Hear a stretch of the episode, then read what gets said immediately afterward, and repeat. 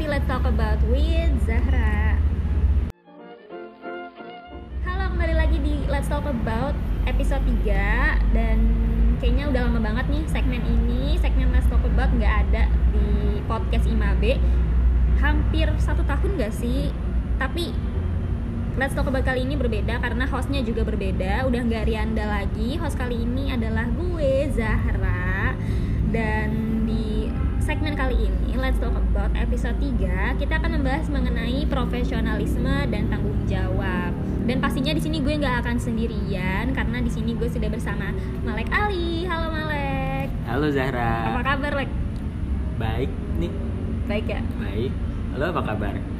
gini-gini aja sih gue lo gimana nih kan Malek ini nih btw guys Malek adalah eh, ketua ikatan mahasiswa arsitektur Borobudur periode 2021-2022 nah gimana nih lu? Kayaknya kan berarti sekarang lagi megang jabatan selaku ketua IMA tapi di sisi lain nih secara akademik lu juga lagi menjalani yang namanya tugas akhir. Gimana kesibukannya?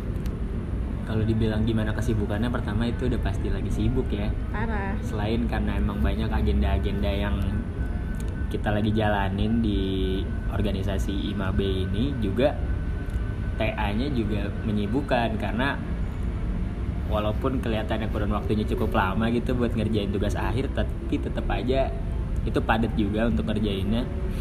Walaupun gue nggak sepandai itu juga sih ngebagi waktunya cuman oke lah bisa dijalanin keduanya Insya aman Allah. kan tapi TA lu? Insya Allah aman. Amin lah semoga dilancarkan ya kita. Amin lu juga kita langsung aja kali ya ke pembahasan topik pembahasan kita yang udah gue sebut di awal yaitu profesionalisme dan tanggung jawab. Kalau misalkan didengar kayaknya wah berat banget gak sih? Mm-mm. cuman menurut gue kayaknya keduanya nih profesionalisme dan tanggung jawab ini dua hal yang berkesinambungan. Kayaknya dua-duanya kalau misalkan kita lihat ada nggak sih menurut lu nih pendapat lu mengenai kedua hal ini hubungannya ke kinerja seseorang atau mungkin kualitas diri seseorang menurut lu sendiri profesionalisme dan tanggung jawab itu kayak gimana sih Iya, eh, bener apa yang kayak lu bilang emang dua-duanya ini berkesinambungan. Jadi mungkin kalau bagi gua, menurut gua profesionalisme itu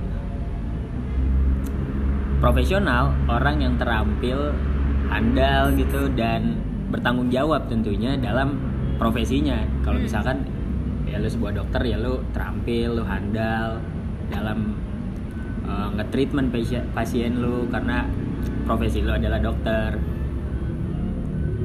Ya mungkin kayak gitu soal profesionalnya. Dan kalau tanggung jawab karena prof, tanggung jawab itu adalah bagian dari profesional gue sih mengartikannya tanggung jawab ya lu menanggung dan menjawab gitu. Selain lu menanggung masalah-masalah yang ada itu menanggung segala hal yang ada di dalam entah itu organisasi ataupun eh, lu sebagai mahasiswa dan lu akan menjawabnya dengan apa yang akan lu lakukan terhadap eh, kasus-kasus tersebut. betul betul betul jadi seseorang kalau misalkan dia mau profesional berarti harus tanggung jawab nggak sih Betul.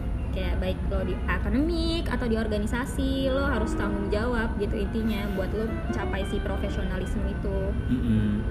nah kalau misalkan kita lihat-lihat nih buat kita profesional bahkan tanggung jawab sendiri kan kayak lumayan sulit nih apalagi kalau misalkan kita udah ngomongin soal waktu terus kayak ada akademik organisasi kayak banyak banget gitu waktu yang kayak terbuang tuh kayaknya terus kayaknya waktu tuh kayak sempit banget kayak kurang banget dan jadinya kita malah jadi nggak tanggung jawab orang-orang malah jadi nggak profesional jatuhnya. Nah menurut lu gimana sih cara eh, biar kita tuh bisa mengimplementasikan kedua hal tersebut di dalam kehidupan sehari-hari? Entah di akademik dalam mengerjakan tugas atau bahkan di organisasi itu sendiri?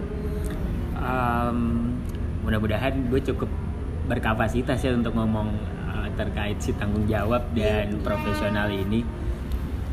Mungkin cara mengimplementasikannya ya pertama untuk lo menjadi seorang profesional lo harus bertanggung jawab gitu. Hmm. Gak cuman bertanggung jawab dari segi moralnya tapi ya pasti lo juga bertanggung jawab punya pertanggung jawaban yang secara administratif gitu.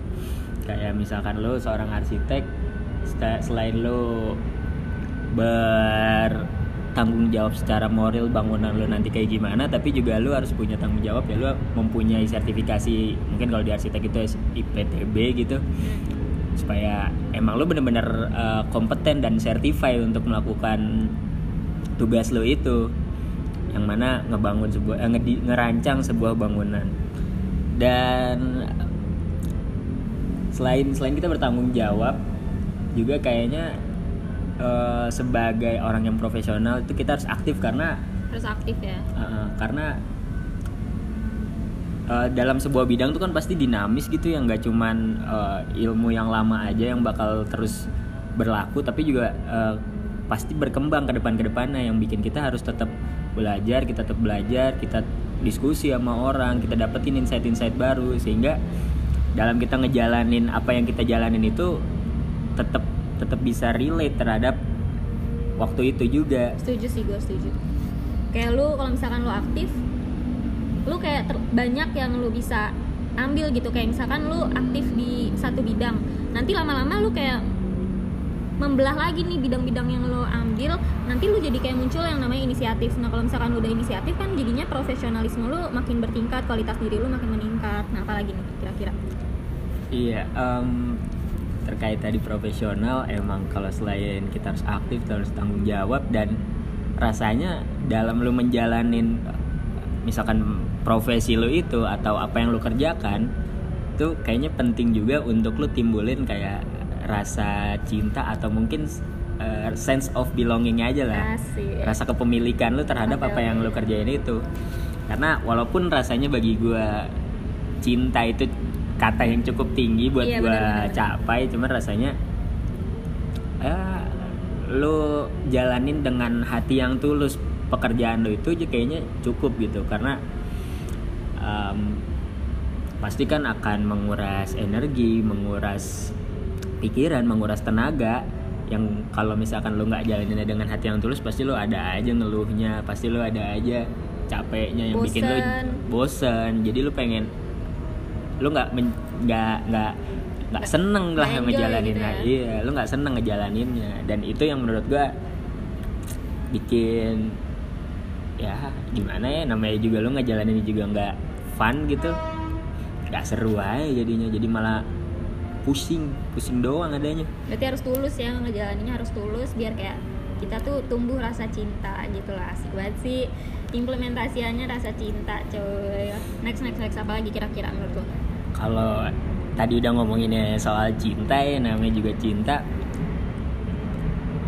Em, pasti itu ada hubungannya sama loyalitas lu terhadap organisasi itu sih karena bagaimanapun lu udah udah udah tumbuh nih eh, si organisasi itu atau apa pun itu yang ada di di diri lu lah gitu rasanya pasti lu bakal mena- menanamkan apa pun yang lu mau lakukan pasti soal organisasi lo gitu. Apa yang lo lakukan ya mudah-mudahan berdampak baik buat organisasi lo atau buat apa yang lo dinaungi gitu. Hmm, betul betul setuju. Oke bagi gue yang selanjutnya itu adalah em, mau belajar. Atau dalam kurung jangan denial. Jangan denial ya? Iya. Ada nggak sih orang kayak gitu? Mungkin ada ya di dunia ini orang yang ada denial sih gitu. ada banget. Karena em, yang tadi gue bilang aktif itu penting dan karena yang bidang yang kita jalanin ini sifatnya dinamis gitu pasti ke depannya akan terus berkembang seiring berjalannya waktu jadi kayaknya untuk kita selalu belajar itu penting banget untuk kita menjadi orang yang mencoba untuk profesional gitu dalam apa yang kita jalani. Betul betul. Karena setiap orang pasti setiap harinya akan terus belajar mau lu setua apa mau lu pengalaman apa pasti akan terus belajar terus gitu. Asli karena ya belajar tuh kan gak cuma kita melalui textbook ya. Kita diskusi sama orang, kita dievaluasi sama orang Dan kita mulai menyadari apa yang kita salah Bagi gue itu juga termasuk pembelajaran yang kita lakukan sih Iya betul betul. Berarti harus menerima kritikan orang juga gitu ya. Biar kita membangun diri sendiri dan meningkatkan kualitas diri kita sendiri. Nah, Iya betul tuh kualitas Ya Oke. hmm. Terus sama mungkin jujur ya Dan bisa dipercaya gitu Karena Jujur ya. ya lu mengemban suatu amanat lah misalkan pasti orang-orang tuh kalau ditanya lu mau pemimpin yang seperti apa? pasti jawabannya adalah yang jujur. Gak cuma pemimpin deh lu mau punya temen atau lu mau punya pasangan mungkin salah satu poin yang akan lo tetang, tekankan adalah kejujuran dan bisa dipercaya. Karena gimana ya? Kalau bagi gua transparansi itu penting aja gitu. Gimana gimana lo antar antar pasangan atau mungkin lo antar anggota di dalam sebuah organisasi itu bisa bisa mempunyai sense of belonging tadi Iya, atau bener. rasa kepemilikan itu kalau lo nggak saling jujur gitu. Mungkin lo punya masalah yang sedang lo tanggung tapi lo nggak jujur sama teman-teman lo gitu. Teman lo mungkin jadi susah ngebantuin lo mau kayak gimana atau dia bahkan nggak tahu apa permasalahan yang sedang lo alami. Jadi kayaknya untuk jujur dan bisa dipercaya itu penting juga sih selain betul betul. Setuju sih gue karena kadang kalau misalkan kita lagi ada di sebuah organisasi atau bahkan pertemanan gitu ya kalau misalkan ada seseorang yang gak jujur sama kita kayak kita bisa kerasa terhianat gitu gak sih? Terus jadinya kayak kalau kita mau menimbulkan rasa cinta yang tadi lo bilang like hmm, terus tapi kita di, di dibohongin gitu sama teman kita atau partner kita kan jadinya kayak mau nimbulin rasa cinta juga kita udah nggak nyaman sama tempat itu gitu atau sama circle itu gitu misalkan. Iya. Gitu sih. Cuman mungkin eh, yang gue pertimbangkan di sini buat temen-temen yang mendengarkan podcast kita untuk mungkin bertanggung jawab karena di sini kan kita sama-sama belajar ya. Eh, gue juga mungkin bisa aja belum tanggung jawab Malik juga eh, mungkin masih ada waktu-waktu atau eh, saat-saat yang kayak kita eh, lupa atau ternyata terlena oleh diri kita sendiri terus jadi nggak tanggung jawab. Tapi mungkin buat teman-teman di sini eh, buat lebih aktif lagi inisiatif lagi terhadap apa pun yang kalian jalanin gitu ya like betul. Karena eh gue pernah baca ya di mana pun lu berada deh secara organik bakal muncul kayak organization citizenship behavior gitu anjay apa tuh artinya like kayak mungkin bagi gue ya kayak budaya berorganisasi aja gitu walaupun lu cuma nama teman dekat lu aja gitu. Cuma nama teman-teman lu atau geng lu mungkin itu secara organik itu adalah uh, budaya berorganisasi aja gitu. Karena kan uh, budaya organisasi itu pasti menimbulkan lu peka sama teman lu lu membantu temen lu. Betul betul. Jadinya kayak kebiasaan jadi membentuk pola dan lama-lama ya ya udah. Kayak gitu yang kayak kita jalanin di kehidupan sehari-hari hal-hal positifnya ya. Mm-mm. secara organik juga itu ada di dalam diri lu gitu. Betul betul. Gitu sih paling kalau menurut gua tentang profesionalisme dan tanggung jawab. tanggung jawab. Oke mungkin segitu aja podcast kita kali ini. Let's talk about episode 3 yang udah lama banget nggak ada Eh, Thank you juga buat Malek yang sudah menyempatkan waktunya untuk hadir di podcast kita kali ini sama-sama dong thank you juga ya gua berasa Apa nih? emangnya si paling profesional Si gue paling ya profesional. diajak ngobrol tentang profesionalisme dan tanggung jawab Enggak lah kan yang tadi udah kita bahas Semua orang pasti terus belajar Ya insya nggak? Allah betul Oke, thank you juga buat teman-teman yang udah mendengarkan podcast kita kali ini. Sampai berjumpa di Imabe Podcast selanjutnya. Bye. Bye